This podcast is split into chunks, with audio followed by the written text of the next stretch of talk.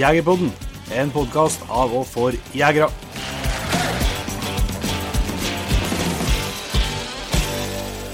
Hjertelig velkommen til Jegerpodden. Jeg heter Jon Petter Meldingen, og jeg sitter i lag med Jon Ingevik.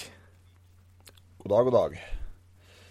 Ja, vi har jo hatt en, uh, en innspilling nå uh, i går med en uh, legende som heter for Ingvar Ørsøy Jon Petter. Og det mm. ble jo en meget lærerik og, og omfattende og, og, derav da lang episode. Så vi har ikke tid til så mye snikksnakk nå, bare vi skal kjøre i gang den, kjøre i gang den praten.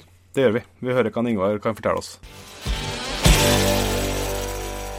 Yes, Da har jeg gleden av å ønske Ingvar Rørsjø hjertelig velkommen til Jegerpodden. Ja, takk for det. Det er jo helt suverent at vi kunne få med rett og slett en, en legende både på, på kort varsel og, og, alt, så det var helt, helt suverent. Men uh, vi har veldig mye vi skal gjennom. Det har kommet inn masse bra spørsmål fra, fra lytterne våre, så jeg tror vi bare må gå rett på hvis vi skal ha sjanse til, til, å komme oss gjennom. Så vi kan starte, Ingvar, med å fortelle litt om deg sjøl. Ja. Eh, det skal jo kanskje dreie seg mest om uh, interessene rundt uh, fritid og opplegg, men uh, jeg er jo en mann som nærmer meg pensjonsalder.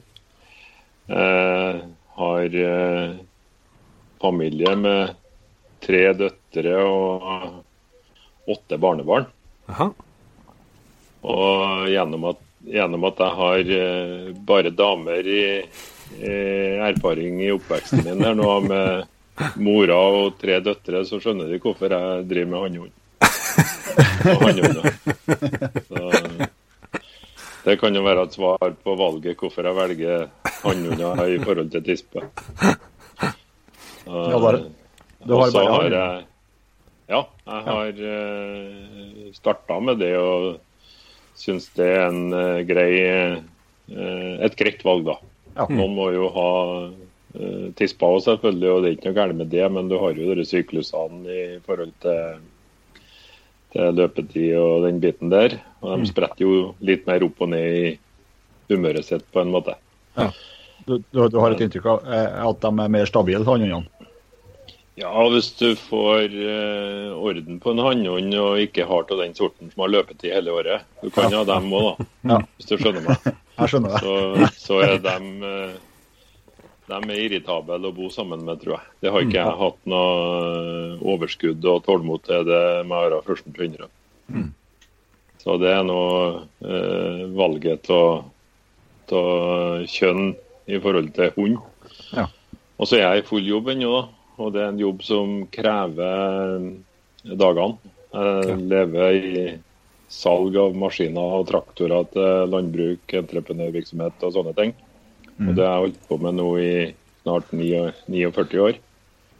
Ja. Så eh, dagene blir lange der, og da er det med tida på hund sånn mellom uh, helgen og annen fritid, så, så, blir det minimalt. Da er det lufting og fôring, mm. stort sett. Men Kan du fortelle litt om hundene du har i, du har i dag, Ingvar? Ja, nå er det ca. ett år siden jeg hadde fire, mm -hmm. som ble da redusert til to. Aha. Og jeg tok avskjed med to tolvåringer i, i fjor. Akkurat. Og eh, da sitter jeg igjen med en som blir fem år til høsten. Eh, han eh, han eh, er en hund som har kommet ganske langt Eh, det òg, i forhold til at han er både utstillingssjampion og jaktsjampion når han er tre og et halvt år. Ja. Ja. Så, eh, han har felt seg inn i rekkene som jeg har vært ganske heldig med å få til på de hundene jeg har hatt før, før han òg. Mm. Ja. Det er vel sjuende dobbeltsjampion jeg har i, i rekka av dere. Ja. Så har jeg en toåring som blir litt spennende, fordi at han eh, har ligget tolv år på på nitrogen, altså nedprosessperm. da. Okay. Og uh, han er halvbror til den hunden som har satt mest spor etter seg i norgeshistorien når det gjelder konkurranse på jaktprøver og prestasjoner. Og det er ja. Berkesøren Scheitreff jeg snakker om, da. Ja. Han får jo klumpen til å røre seg litt i magen og oppover halsen, eh, om jeg snakker om han ennå. Ja. Han eh, ble jo norgesmester fem ganger. Ja, det er helt utrolig. Så, og vant Norgescupen ja, sju eller åtte ganger på ti år. Ja. Så det er imponerende tall. ja da. ja da. Eh, årets jakthund var nå to år. Så, mm. så han eh, blir liksom et, eh, et minne som kommer til å være med oss en stund. da. Ja. Som snakker om det ennå. Men uh, toåringen han er jo halvbror til han. Ja. Så eh, jeg er jo spent sjøl hvor han eh, kommer til å vise fram når han går over til voksenklassen på jaktprøve.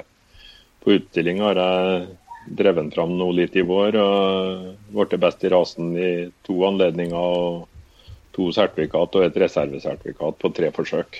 Så han, han, ser bra ut, ifølge dommerne. Ja. Ser du noe, ser du noe likheter mot, uh, mot uh, halvbroren i fjellet? Ja, det må jeg bare si at uh, han er Han har henta igjen den gammel type hund og særpregene som de har hatt uh, uh, i generasjoner før den femåringen som jeg sitter med i tillegg her nå. For den har vært litt mer ut og henta inn blod på uh, andre linjer og litt sånne ting. Akkurat. ja, det er litt forskjell på dem som typer, men samtidig så er de godt slekt, dem òg, for å si det. Mm. Så det er dagens to utfordringer. En toåring og en fire og halvt femåring, det blir å ta, ta av med til høsten. Ja. Men uh, bare, jeg kan bare fortsette, Jon Inge. Uh, før, vi uh, snevrer oss helt inn på, på fuglehunder og, og, den jakta der, uh, kan ikke kort dra oss gjennom uh, jaktåret? Jakter du bare fugl, eller har du noen andre arter du liker å prøve deg på? Uh, det skal jeg så absolutt være ærlig på. At uh, jaktåret er lenger eller uh, bare fugljakt for min del. Ja. Uh, når vi kommer til storvilt, så er jeg jo både elgjeger, hjortjeger og, og, rådyr, ikke minst. Det er jo ja.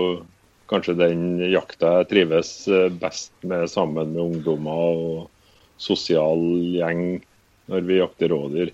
Dem har vi jo overskudd av ut gjennom fjordene her, i hvert fall. Ja. Så det er en ressurs som bør utnyttes og, og holdes eh, ned i forhold til der eh, bestanden er i dag lokalt. Ja. Jakter dere med hunder, eller? Ja, det er litt begge deler. Ja. Vi har eh, terrengbeskaffenhet som Vi har ikke mye storskog bak oss her. Her er det litt nakenere fjell og løvvegetasjon mer eller store, tunge skoger. Og da er det jo greit å poste litt oppi kantene, og sånn at du har oversikten. Så eh, vi er litt hunder sjøl òg, ja. Mm, ja. Skal holde oss i form òg, vet du. ja, ja, ja, måtte skal det. Men øh, det som jeg bare, bare sier, da vi, øh, snakka jo også opp av Inge før i episoden her, og litt sånn, så, så, øh, så gikk vi gjennom liksom litt resultatene. Så ni, eh, til sammen ni NM-seire og årets jakthund tre ganger. Og det, det som vi rett og slett, vi må prøve å få litt svar på nå, det er hvordan kan det være mulig? For, for at ja. Eh, det, så, så, jeg tror rett og slett bare går over til litt spørsmålene eh, som vi har fått fra lytterne. For det, det, tror jeg tar oss gjennom en, en, del av det, i hvert fall. Eh, det du kan, det du kan belyse der. Så vi starter rett og slett Ole Jørgen Nordbakken har spurt litt om hva du ser etter når du skal både når du skal velge kvalp, og, og ikke minst kull, altså med tanke på linjer osv. Har du noen tips der?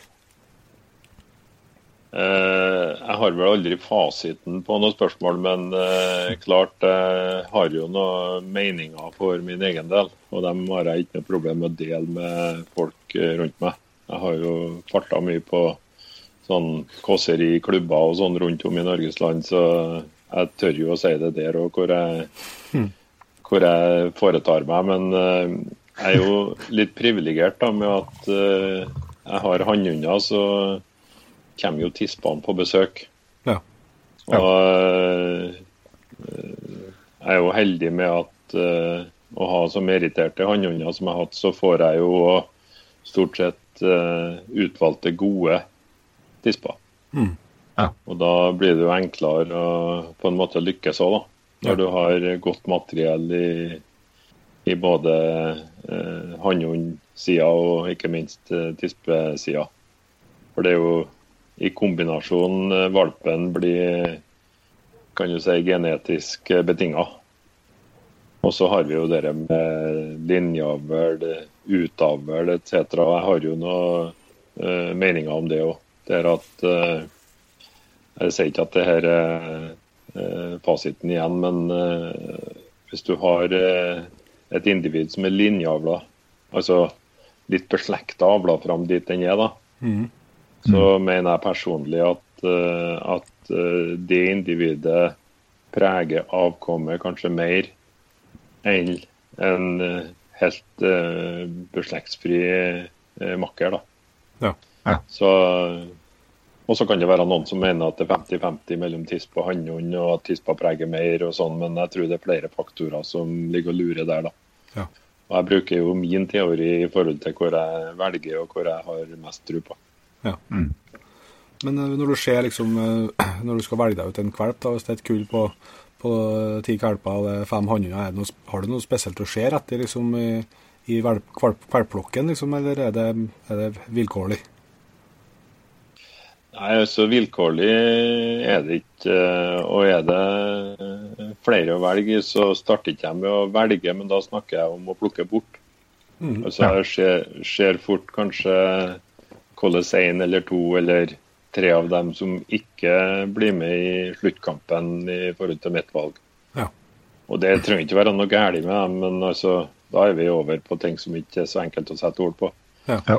Men uh, i, iblant uh, fire-fem individ så, så ser du fort at uh, den kommer ikke jeg til å ta. Og sånn. Ja. Ja, skjønner. Eh, Da blir det enklere å stå igjen med én, to eller tre og velge til slutt. Mm. Så eh, det er litt på det prinsippet, da. Ja.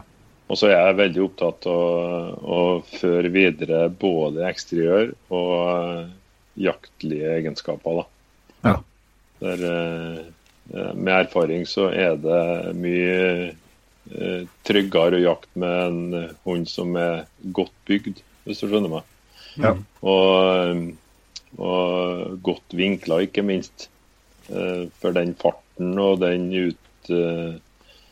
utfordringa kroppen og skjelettet på en hund får i fjellet når den jakter hele dager og sånn, så, så er det utrolig viktig at støttemperene, altså vinklingene i frontpartiet på en hund, eh, er god, og likeens eh, at den har eh, strekken i galoppen, så den ikke bruker unødige krefter for å flytte seg fram i den farten og framdrifta vi mener den bør ha. Da. Ja. En mindre skadeutsatt hund med at den er rettskapt. Det var det som var essensen. Klart ja. men det, med vinkler og sånt, jeg opplever at det, du har åpenbart et, et langt mer trena øye enn meg, men opplever at du, at du ser det allerede når de er åtte uker, eller liksom helt som, som småkvalper. Ja, du får det jo som en overraskelse hvis eh, foreldrene ikke er på plass der da før vi kombinerer dem, for å si det. Men eh, så varierer det jo innenfor kullet. Ja. Mm. Så, men, du, men du ser det allerede i den tida der. Ja. Eh, på hannhundsida så sjekker du jo at begge steinene er på plass. Mm. Eh, Likeens eh, ser du jo sånt som eh, eh, tannstilling og forhold som er fysisk betinga. Ja. Det er jo greit at det er i orden når du skal bruke 10-12 år på et uh, individ, i hvert fall hvis du driver uh, og fører dem fram sånn som jeg trives med, i tillegg til jakta. Mm. Så kan jeg henge på, jeg kan henge på en påstand og en, et motto da, i, i min verden. Det er jo at For vi hører jo ofte fra jegersida at en hund som gjør det godt på jaktprøve, han er udugelig på jakt. Ja. Men uh, det som er min påstand, er jo at den beste jaktprøvehunden er jo den beste jakthunden. Ja.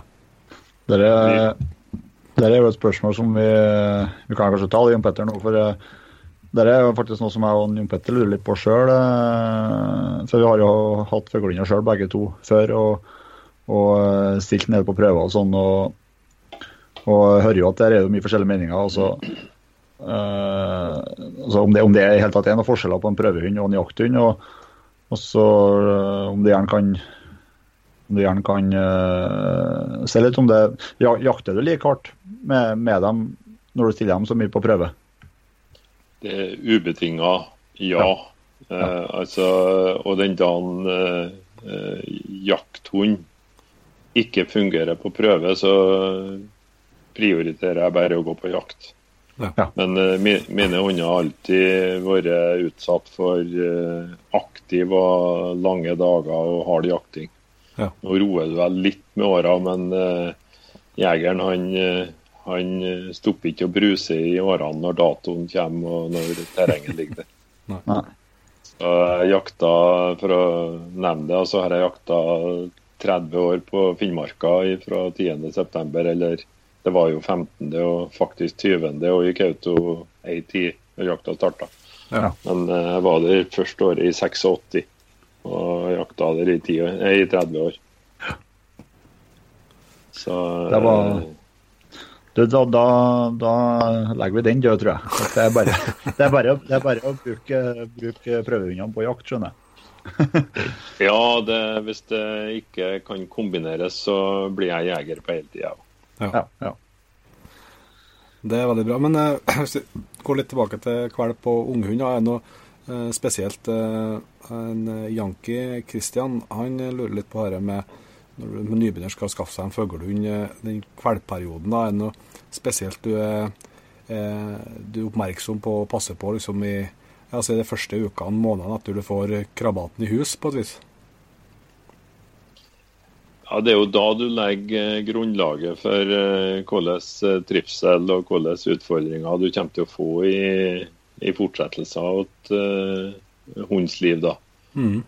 For det en skal være klar over, er jo at uh, hund er jo et vanedyr. Ja. Og dårlige vaner mellom oss og hundene, det blir for hund fort gode vaner. Ja. Så jeg har klare meninger om hvor jeg ikke la dem på lov til å ikke trenge dem å ligge oppe i senga mi og uh, kjerringa og ungene sine heller. Nei. For der er det vi som skal ligge. De er jo ikke så renslige heller at jeg syns det er noe trivelig å gå opp i sengeklærne og legge seg etter at ungene ligger der hele kvelden. Så, og det er ikke noe krav fra deres side. Jeg eh, rusher i kropp når jeg ser en del eh, Facebook-bilder og sånn der de har dem med seg på hotellrom og legger dem i hvite sengeklær og har på dem natthuv. Fuglehunder, jakthunder, da blir jeg fort amatør uh, i det her bildet. Men uh, ære være dem som gjør det og mener at de lykkes med det. Men uh, jeg syns det er unødig å, å, legge inn sånne forventninger til hundene.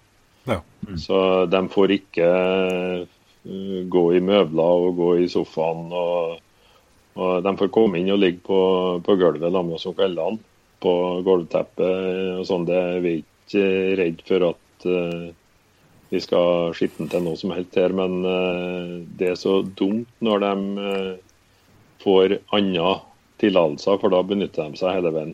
Ja. Så fremt de får sjansen. Mm. Og så vender de fort på slett et bur. Et romslig, luftig bur. Det kan stå hjemme på stua òg, det. Mm. Og, og, og lett det blir plassen deres. Og så tidlig som mulig så er det viktig at de blir påvendt bil. Ja. For det er jo avstander mellom både arrangement og ikke minst eh, jaktturene vi tar, så er det viktig at de er trygge når de blir med ut og biler. Mm.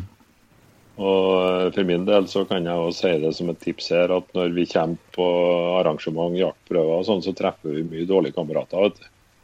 Og Da skal vi nå leve ut kvelden litt i forkant av prøven. Og, og da er det like lurt at hunden ligger i bilen og har det trygt, for der eh, har i hvert fall mine hunder sine andre hjem. Jeg drar dem ikke inn i ei trang campinghut så de skal være med på alle historiene, for det skjønner de ikke dårlig. Så eh, det er sånn enkle ting. Ja. Men hvis vi Eh, går, over, går over litt på, på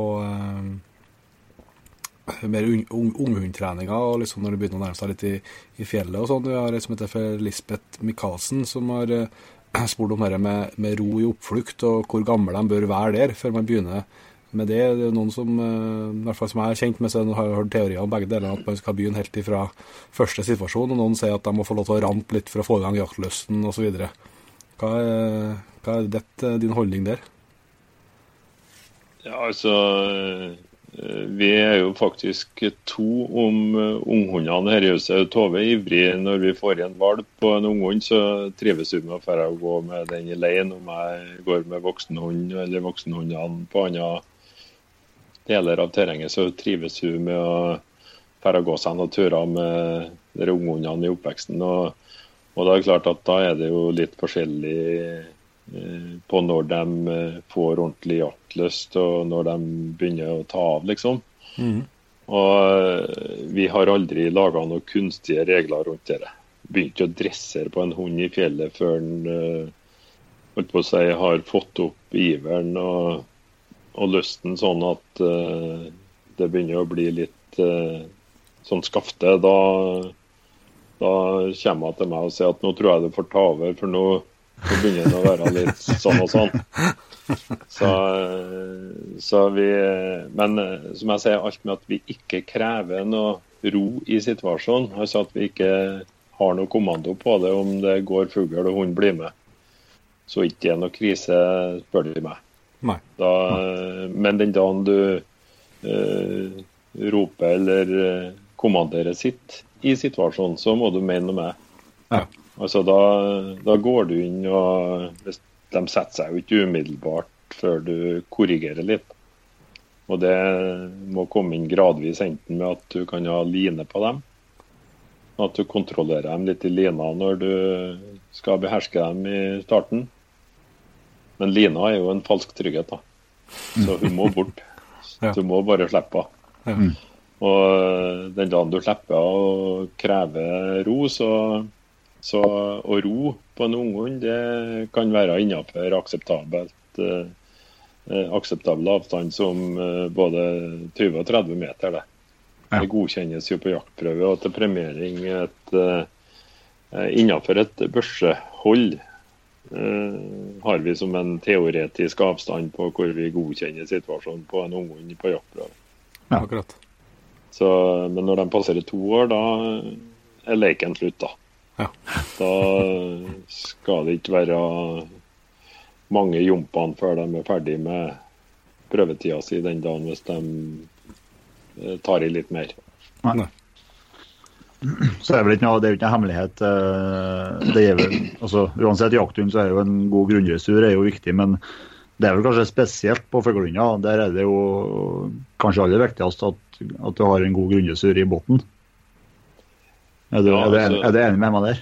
Ja da. Eh, eh, mine hunder har aldri vært sånn at jeg kunne ha stilt dem i sirkusmanesjen og brifa med dem der.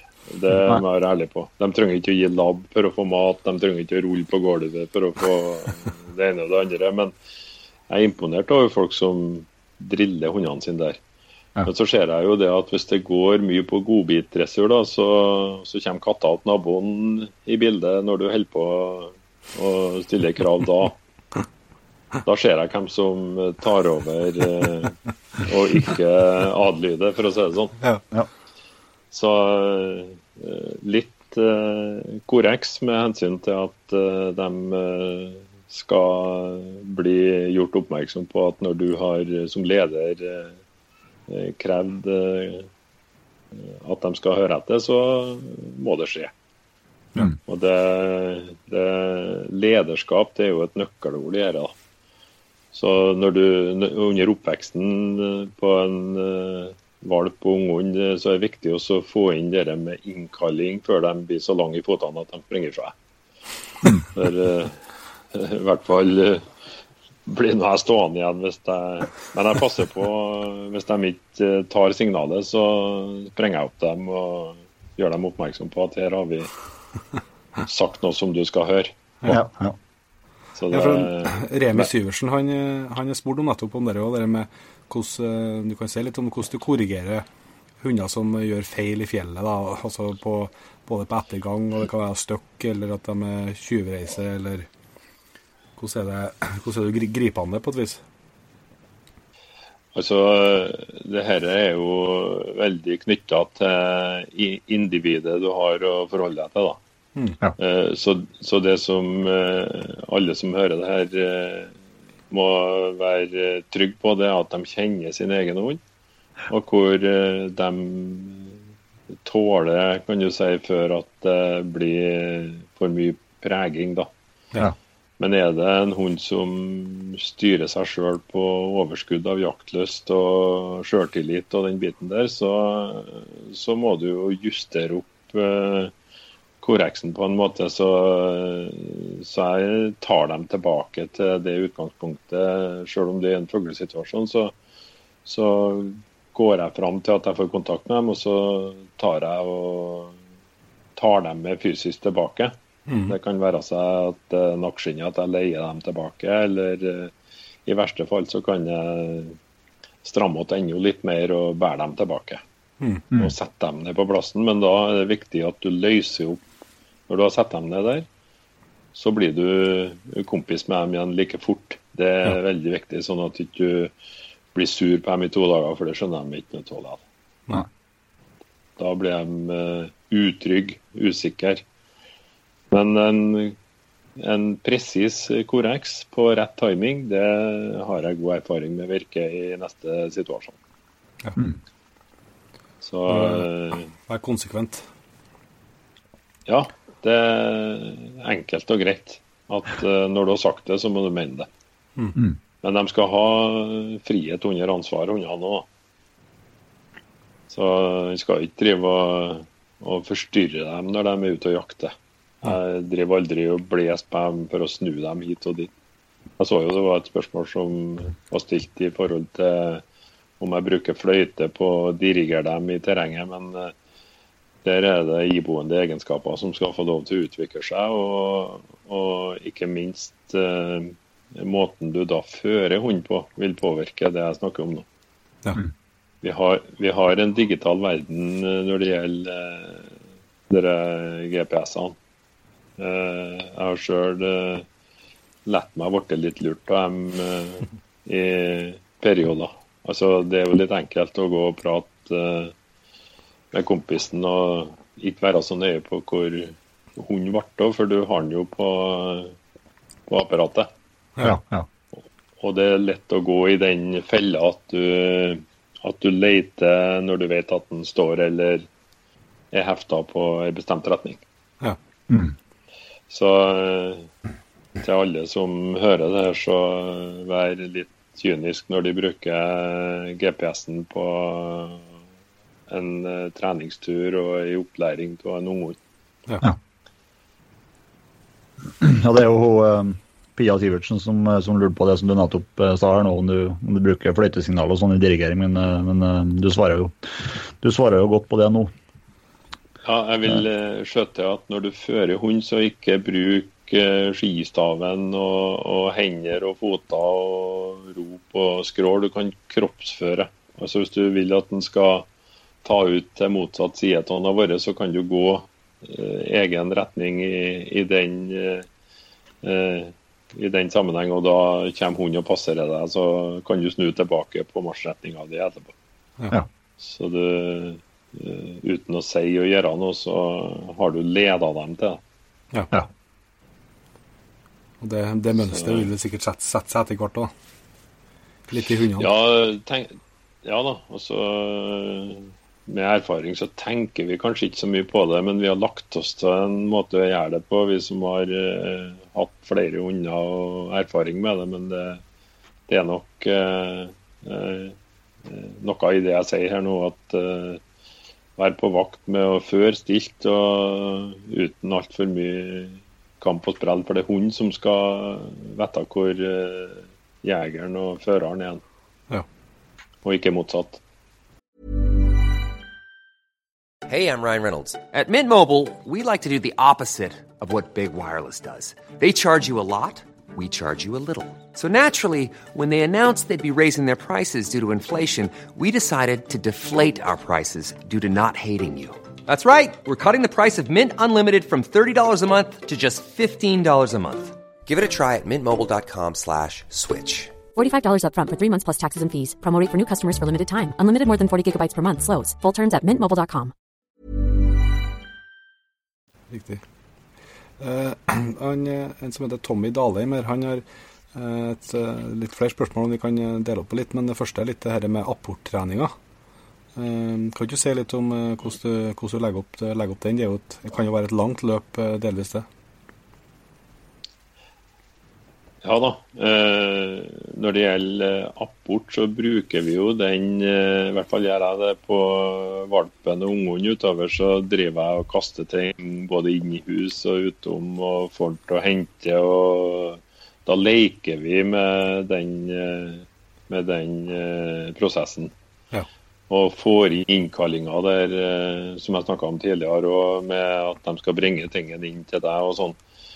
Men eh, Eh, for min del så er den eh, konsekvente apporten eh, overgangen fra en litt livlig unghund til å bli mer bekrefta voksen og få inn lederskapet og disiplin fullstendig.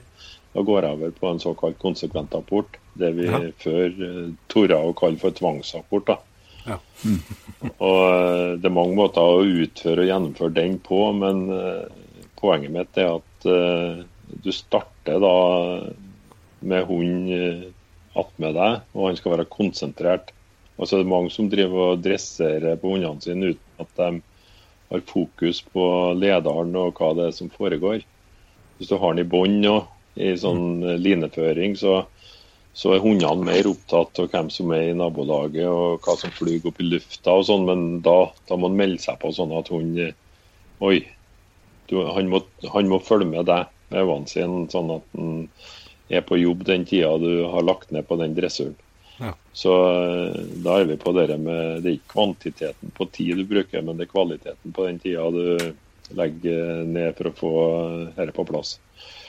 Og når du har eh, kjørt det ritualet med konsekventapporten i mål, da har du for det første en eh, lydig hund som du kan ha rundt deg. Du kan ta et apportobjekt som kan være ei, ei tørka rype, som jeg bruker. da. Mm -hmm. Så kan jeg plutselig bare kaste den gjennom lufta ifra, uten at hunden er oppmerksom på det. Og eh, da kommanderer jeg sitt i det at hun går i bakken. Og hvis den ikke setter seg, men eh, knaller den som om at det har vært felling på jakt, så henter jeg den og korrigerer den tilbake. Ja. Ja. Og repeterer det der da. Og når du har gjort det noen gang, så kan du bare kaste, og så detter rumpa nedpå uten at du sier noe som helst. Ja. Mm. Og det overføres til, til jakta. Og det er ikke noe det er ikke noe sjokk å høre og noe bombe å høre at ved første fellinga på en hund som ellers har vært rolig oppflukt og skudd med 9 mm, at han knaller på første fellinga, det har i hvert fall mine gjort. Ja. Men uh, de er ikke like ivrige på å knalle på den nummer to. Nei. Så uh, jeg unnskylder dem ikke med å si at det var han første rødpass, den må han få lov til å hente som han sjøl vil. Hvis du gjør det, så har du fort ti situasjoner de må bruke for å rette opp det. Ja. ja. Det konsekvent igjen, ja. Ja, det er det. Så om de sprenger så langt fram eh, at de tar henne opp fra bakken, og så møter jeg dem og tar ifra dem røpa, hiver i bakken, og så tar de meg tilbake og setter dem ned der sittkommandoen var gitt. Og så får de avslutte med å hente henne. Ja. Belønninga kommer da. Altså, jeg går ikke og henter henne sjøl. Det er vengskottet på på Finnmarka i det vegetasjonen som er der. Du kan prøve å, prøve å apportere henne som tofoting. Jeg, jeg har eh, gjort mange dumme eh, forsøk på å ikke finne henne. Og så må du bruke hunden likevel til slutt. Ja, ja. Ja. Så eh, de er med for å gjøre jobben. Så det han samme, han samme han Tommy, han uh, lurer også på om uh, uh, litt forhold eh, om det er spesielle hensyn eller tips du har i forhold til jagthund på skogsfugl, og spesielt tiur. Og om det er Har du noe Bruker du hundene like mye på skogsfugljakt som du gjør på, på rypejakt? Jeg jakter jo ikke eh, kanskje like mange turer i skogen som eh, på fjellet, men eh, ute i Fosen der så har vi jo eh, De fleste terreng ligger jo med ganske høy tregrense. da. Ja. Ja. Og da vil det jo bli på en måte skogsfugl og orrfugl, eller storfugl og orrfugljakt eh, mer i starten på dagen og på slutten på dagen. Ja. Så det er litt kombinert. da. Utover Ja. høsten trekker jo dere fuglene lenger oppi, og så, så eh, det er ikke noe uvant å, å bruke dem på skogsfuglene. Men det som er viktig når du eh, skal jakte spesielt tiur, som spørsmålet gikk på, Ja. da er det jo viktig at du har eh, hunder som har syke og ikke minst lyst og evner til å følge på situasjonen. Mm. At de er gode på reisen og kjappe til å følge på når tiuren eh, tar på seg storskoen, som Ja, vi vet han kan. Ja, ja. Og, og min erfaring er heller ikke at eh, du får den beste skuddsjansen hvis du henger bakom hunden på skogen. Alltid det er å finne åpningen der du tror han kommer. Og, og ser du eller hører det bestilt, så kan du rope på hunden om at 'kom igjen', og det syns jeg er kjempeartig. For de Ja. kommer rett utover deg. og Det kan jo skje en gang i femåret eller tiåret, det òg. Men Jeg tar har ikke gått til all verden med tiurer, men eh, at jeg har lagt ned en 10-15 gjennom eh, de årene, det har jeg nok gjort. Men eh, trenger de liksom noe eh, Går de Hundene dine justerer de seg? Jeg føler, opplever du når du kommer i skogen, eller har de liksom de samme utslagene i skogen som på fjellet, eller hvordan klarer de å av, avgrense seg sånn sett? Idealet er jo eh, om det er kuppert på fjellet eller om det er i skogen, så er det jo idealet vi hele tida søker etter. Og det er jo dem som, eh, som eh, behersker seg når at terrenget er uoversiktlig, og så drar de på der at det er åpnere, og der du ønsker at det skal bli med mer. da. Ja. Og det er jo der vi kan fort komme tilbake til GPS-bruken, da, for eh, hvis du hvis du alltid finner dem like fort som de har blitt bort, så tror jeg de legger seg til sånne, sånne gode vaner som ikke er så gode som jeg sa i stad. Ja. For når du kommer på jaktprøve, så får du ikke bruke GPS-en uansett. Nei. Så, så Nei, jeg, det skjerper både hund og jegeren hvis du lar dette gå litt naturlig for seg. Mm. Med rolig gange og følge med litt og bruke eh, vind- og terrengbeskaffenheten til å se hvor det er mest naturlig for dem å gå hen. Ja. Prøve å være litt hund sjøl òg. Ja. Eh, Men eh, enn eh, mot eh, Nå holder det jo faktisk på endelig å nærme seg litt høsten igjen, da. Hvordan trener du hundene du mot, for å liksom spisse formen, både med tanke på, ja, på Gjør du noe på fòring og, og på, på, på utholdenhetstrening og sånt, nå før det er lov til å begynne, å begynne å slippe igjen? Det som jeg passer på i den rolige perioden som det, som det er fra ja, Prøvesesongen går jo ut april. Med dispens eh, en måned etter båndtvangen eh, trer i kraft, så har vi jo denne jaktprøvehelgen som er som ei vanlig jakthelg, for å si det sånn. Så da er de jo fysisk eh, aktive.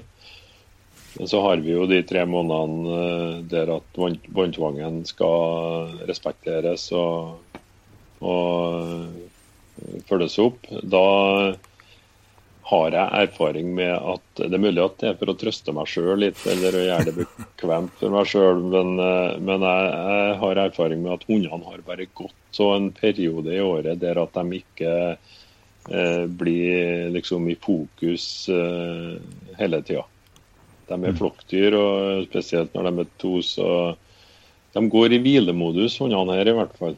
Eh, De vet at det ikke er noe vits i å stå og mase på meg om å ut og gå to timer hver dag og sånn. Og, uh, I går kveld så sykla jeg med begge to en times tid.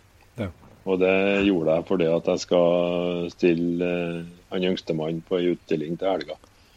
Og da er det en del i forberedelsene på sånne ting. Ja. Så det blir noen turer, og likeens går vi mye i fjellet på fisketurer. Men da er det jo ved foten i vann. Mm. Og jeg setter ikke på de trekkselene når jeg går i fjellet, der, for de trekker nokler. Ja. Der er dårlig til å få dem til å gå bak i fjellet når vi er på jakt. Og spesielt på prøve, for da er konkurranseinstinktet så drivende i dem at jeg, jeg henger nå der med venstrehånda på strake linjer. Og Jon Inge som har hjemtunder, vi, vi skjønner hva du sier. Ja. ja. ja. Eh, Men eh, eh, du snakka litt om det her med, med skjærende terrenget og litt sånn, men hvis Martin Tunby går der han spør litt om dette, hvis tips til å liksom bedre samarbeidet med en hund som, som er for åpen, da, for, som går for stort. Er det noe, noen gode ideer til, til hva han kan ha prøvd seg på? Eh, det som eh, Det som kan være å prøve på, det er også å gå enda roligere da, som eh, fører. da. Aha. Og gjerne på en oversiktlig plass sette deg ned, sånn at hun lurer på hvor det har blitt av, i beste fall. Ja. Så, eh, men vi har de individene blant oss som bare drar på og ikke bli eh, så avhengig av eieren at de bryr seg om den er borte heller. Men da drar jeg det litt tilbake til det her med oppveksten og lederskapet igjen. og for Dess mer du preger en hund, dess mer knytter du den til deg. Ja. Så, men jeg tror ikke det er noe vits i å sprenge den opp og få tak i den og banke den. Nei. Det, jeg har vært med og prøvd uh, for altfor lenge siden. Ja. Ja. Da var jo alt uh, som skulle foregå med fysisk avstraffelse i fjellet, men de skjønte jo ingenting av det, hundene. Nei. Det ble bare hardere og hardere. Så, uh, så det er ikke noe råd jeg gir det, nei, at de skal drive og, og sprenge dem opp og, og bryte seg bjørkris og bruke leremene. Det, det fører ikke noe til. Du bare du skuer dem ifra deg istedenfor å trekke dem til deg. Ja. Du gjør det. Det Klart de er ja, som oss eh, i tankene, dem, og de vil ikke være sammen med dem som er stygge med seg. Så, Ja, dere, dere, er, det- det- dere er noe som vi kommer bort for Jeg husker jo når jeg var, når jeg var guttunge, jeg var med, var med far min og bror min på, på var også. Jeg husker jo når jeg var guttunge, så jeg reagerte på en del av den eh, den, eh, Det er feil å kalle det straffa, men også den måten en del hundeeiere behandla hundene på. Men, men eh, jeg har et inntrykk av at det der er meget, meget sjelden nå. Det, det er noen år siden jeg var på fuglehundprøve nå, men, men jeg har et inntrykk av at dere har, har forsvunnet. Ja, du vet For 40-50 år siden så var dette med jaktprøvemiljøet ganske lite. Ja. I dag er det en stor og brei, kall det folkesport, som folk fra alle samfunnslag er med på. Ja. Og det er jo mye flinke dressører og, og ja, ivrig på å jobbe med hundene sine før de kommer til fjells. Og du blir i hvert fall overvåka i hva du foretar deg med hensyn til fysiske avstraffelser og sånn, og det er jo vel og bra. Ja, ja. Helt klart. Men eh, jeg hører hvis vi Jeg har et spørsmål til også, som, eh, som sikkert mange hundeeiere kan ha opplevd. da, det med At de blir låser seg eller blir forsi veldig forsiktige med å, med å reise fuglen. Eh, er, det noen, er det noe god medisin der? Eh, nei, altså Jeg har jo noen meninger rundt det der òg, jeg, da. Ja, det, Som, det håper vi. Det håper vi. så, ja da. Eh, jeg har kanskje vært mer forsiktig i forhold til å offentliggjort eh, det jeg har mest tro på. Men eh, dessverre så ligger eh, det meste av det som, eh, som har med forsiktig på fugl og treg i reisen, det, det ligger genetisk, spør du meg. Okay. Ja. Og eh, det gjenspeiler seg i at eh, samme eiere og samme førere sliter fra individ til individ med akkurat den eh, biten der. Og Det er jo ofte fordi at de kanskje fører blodet sitt videre etc. Men så kan det være eh, direkte årsaker til at eh, det er andre faktorer som kommer inn og er avgjørende òg. At de er skeptiske pga. et eller annet med ubehag eller roping og støy og sånn, og da er vi på, på, den, eh, på den mentale sida på individet. Ja. Og da er den som eh, holder på med dem, eh, for dårlig til å registrere eh, kan du si, utviklinga, for de utvikler ikke en treg situasjon sånn plutselig. Det, det viser seg kanskje litt tidligere i innlæringa og opplevelsene, eller bare plutselig så står han og nekter å reise. Ja. Men så er det en liten annen teori jeg har òg. Det er jo en ordrenekt. Når den har fått beskjed om å gå fram, så er det det jeg legger i det med ordrenekt. Da skal han utføre uansett. Ja. Men det er ikke enkelt å få det til å skje da, når at det står som spikra i bakken. Nei. Men uh, ha en tanke rundt det, dem som eh, skjønner hvor jeg peker på at uh, kanskje å få inn det med at en skal til og med reisfugl. Jeg ser jo en del er kontrollert og, og forsiktig til å gå på, men de gjør det. Ja. Og da har sikkert eierne funnet en liten utgang av den, eh, av den uh, seansen der. Mm. Men det er jo kanskje noe av det største utfordringene mange hundeeiere har, å få en eh, frisk reiser samtidig som at de skal være rolig når fuglen går og skuddet går. For Klassikeren er jo sånn at de som er dårlige til å reise, de er jo de som går etter mest. Ja. Ja. de, er, tyng, de er tyngst å stoppe når det først Ja, flyr. ja, mm. Og, og så blir folk da opptatt av at de tør ikke å ta dem, for da er de redd for at reisen blir enda dårligere. da. Ja. Og da har jeg et eh, fast svar. Hvorfor eh, er du så opptatt av reisen hvis du ikke har roa?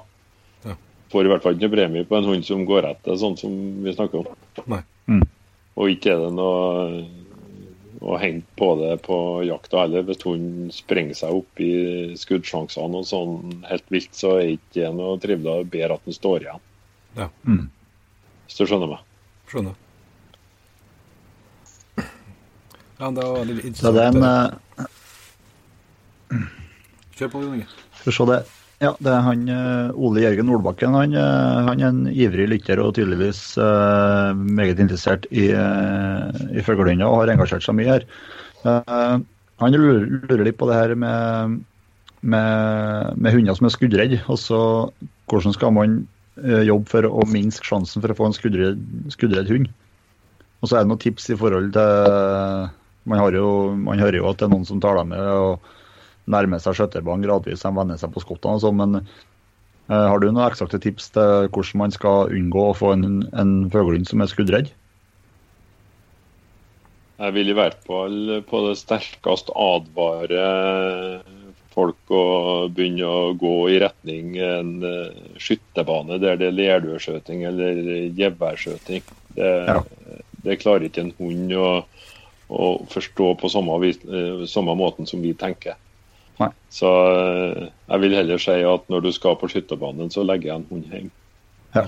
For, eh, men venn dem heller gradvis på at skuddet hører til i en jaktbar situasjon. Mm. Og da vil jeg heller spre det tipset som jeg sjøl bruker. og det er også Jeg har en 6 mm startpistol og jeg har en 9 mm startpistol. Sistnevnte er jo som haglskudd, så det blir jo en skikkelig smell. Men uh, den 6 mm den uh, er jo en uh, mer moderat sak. Og, og hvis du begynner å bruke den, så er det stor sjanse for at du ikke får noen sånne utfordringer som dere der. Ja. Og personlig så har jeg aldri slettet med at hundene har vært skuddredde, men jeg har aldri prøvd å vente dem på skudd før jeg kommer i fjellet og i situasjonen der at det er naturlig å ha med smell. Akkurat. Jeg ser på klokka her at vi har jo flere spørsmål, eh, men eh, vi holder på å rett og slett går ut litt på tida. Men eh, vi har litt sånn tre, tre, litt, tre kjappe, da, som vi kaller det. Som, som eh, vi prøver å ha med litt av gjestene. Og det første der, eh, Ingvar, det er hvis du måtte ha valgt bare én jaktform, da. Hva er, det, hva er det du har gått for? Ja, altså Jeg er ganske klar på hva jeg prioriterer mest eh, fritid og ferie på, og det er rypejakta. Ja. Og det er fordi at det er en aktiv jaktform. Og det er en, eh, en eh, opplevelse langt utover det å felle bytte med at du jakter med hund og opplevelsene der, og vice versa. Ja, ja men det, Det var det, var- det, Hvis jeg skulle ha tippa, så har jeg tippa det. Men jeg er ivrig, Ja, ja. ivrig på andre jakter og Ja. til rett tid Ja, og rette setting. Sant? Og så er neste spørsmål her eh, Hvis du skulle komme med et konkret jakttips, hva, hva er ditt beste jakttips?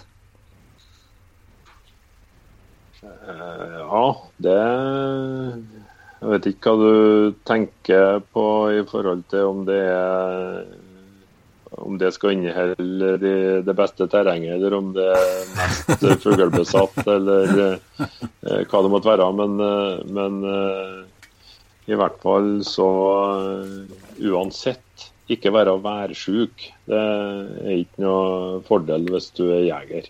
Nei. Eh, Det er viktig å kle seg etter utfordringene, men eh, bryte seg ut. For uansett så vil du få en opplevelsesrik dag. Og, og eh, bytte det er jo også i stand til å forandre seg i forhold til det jeg snakka om da. Og så det siste av de treene der, det er, ja, det jaktutstyret ja, Vi har sagt litt sånn jaktutstyr og kjøpt siste året, men det går an å trekke litt lenger enn det. Men hva er du mest, mest glad i? Nei, De største opplevelsene mine eh, med jakta nå, det er Jeg liker gjerne å dele jaktturene sammen med noen. Og de største opplevelsene for meg nå, og som brenner mest mot hjertet, det er når jeg har med meg ungdommer ut og, og får dem opp i situasjoner med det vi har sett og snakka om, felling av fugl fra en fin tann og en opplevelse med hund eller et rådyr som kommer på post. Jeg har et eh, barnebarn som eh, ei Anna som er ivrig jeger. Hun har jo tatt eh, jegerprøven. og Aha. Første jaktturen hun var med meg på fjellet, så fikk hun skutt seg i ryp for, eh, for hund i stand. Og jeg så ikke akkurat når jeg datt, eh, men eh, når jeg kikker oppover i krattet, så kommer det noe sånn rypfjær og dun flygende mot oss, eller seglende i lufta mot oss, så sier jeg 'traff du'? Ja, jeg tror det, sa. Ja vel, da sender jeg på hunden på en apport her. Og så gjorde jeg det, og så kom han opp med Det var ett skudd og ei rype i bakken. Det, det var stort, syns jeg. Ja. Og første posten du sto på rådyr, så kom hun Det sto hun fem meter fra meg for at jeg skulle ja, ha kontroll på henne. Da kommer det tre dyr, og én smell, og dyret er rett i bakken.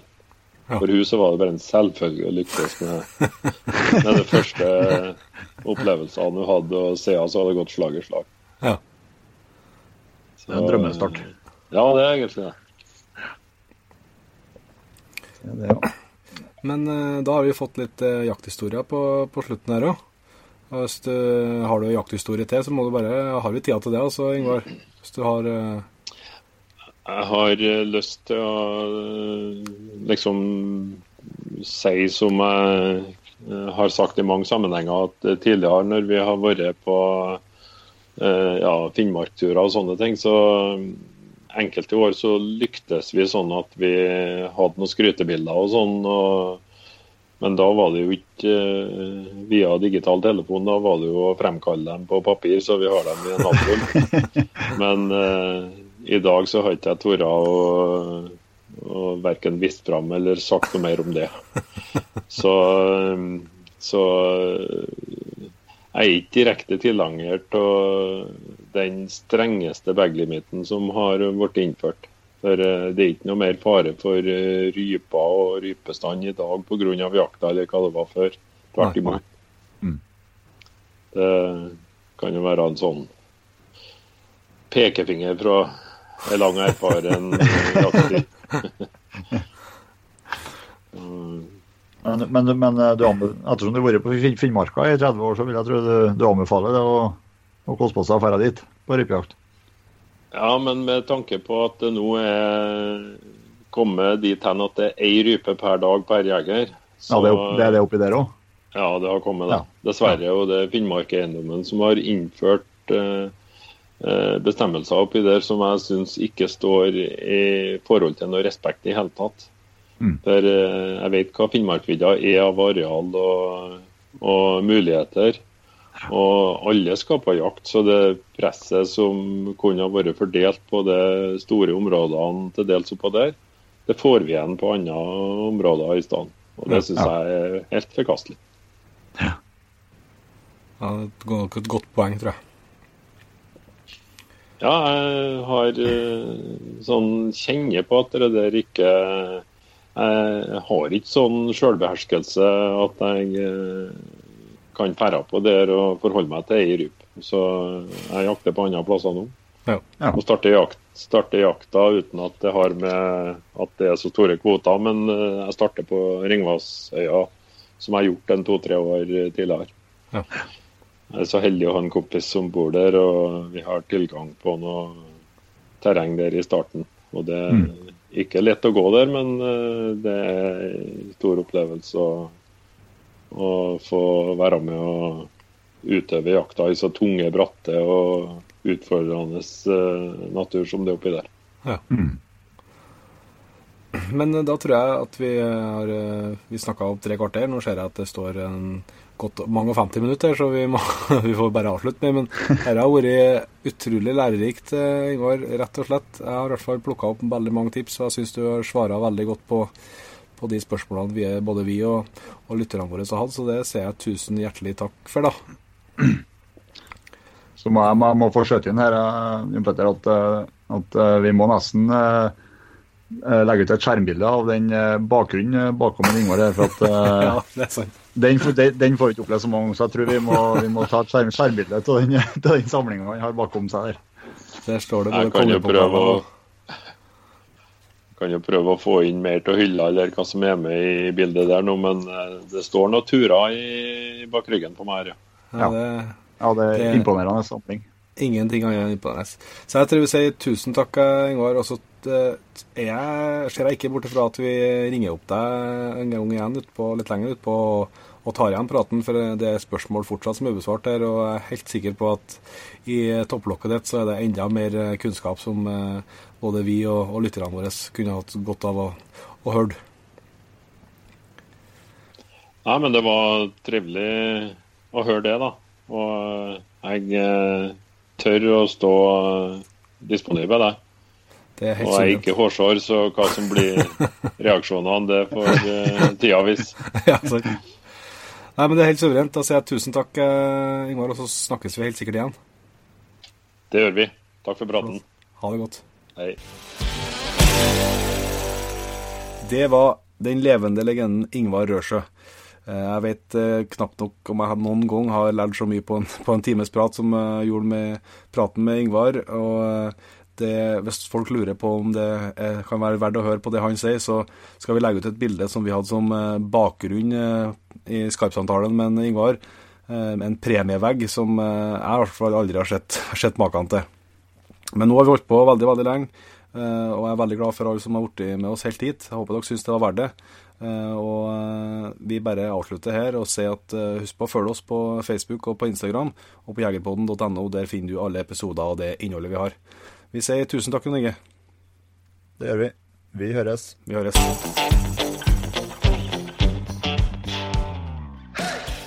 Tusen hjertelig takk for at du valgte å bruke litt av tida di på Jegerpodden. Sjekk ut jegerpodden.no eller din favoritt favorittpodkastspiller for enda mer innhold og flere episoder. Følg også Jegerpodden på Facebook og Instagram, og ikke minst, husk å fortelle alle gode venner, familie og tilfeldige forbipasserende om Jegerpodden, sånn at vi får spredd det glade budskap videre. Vi høres.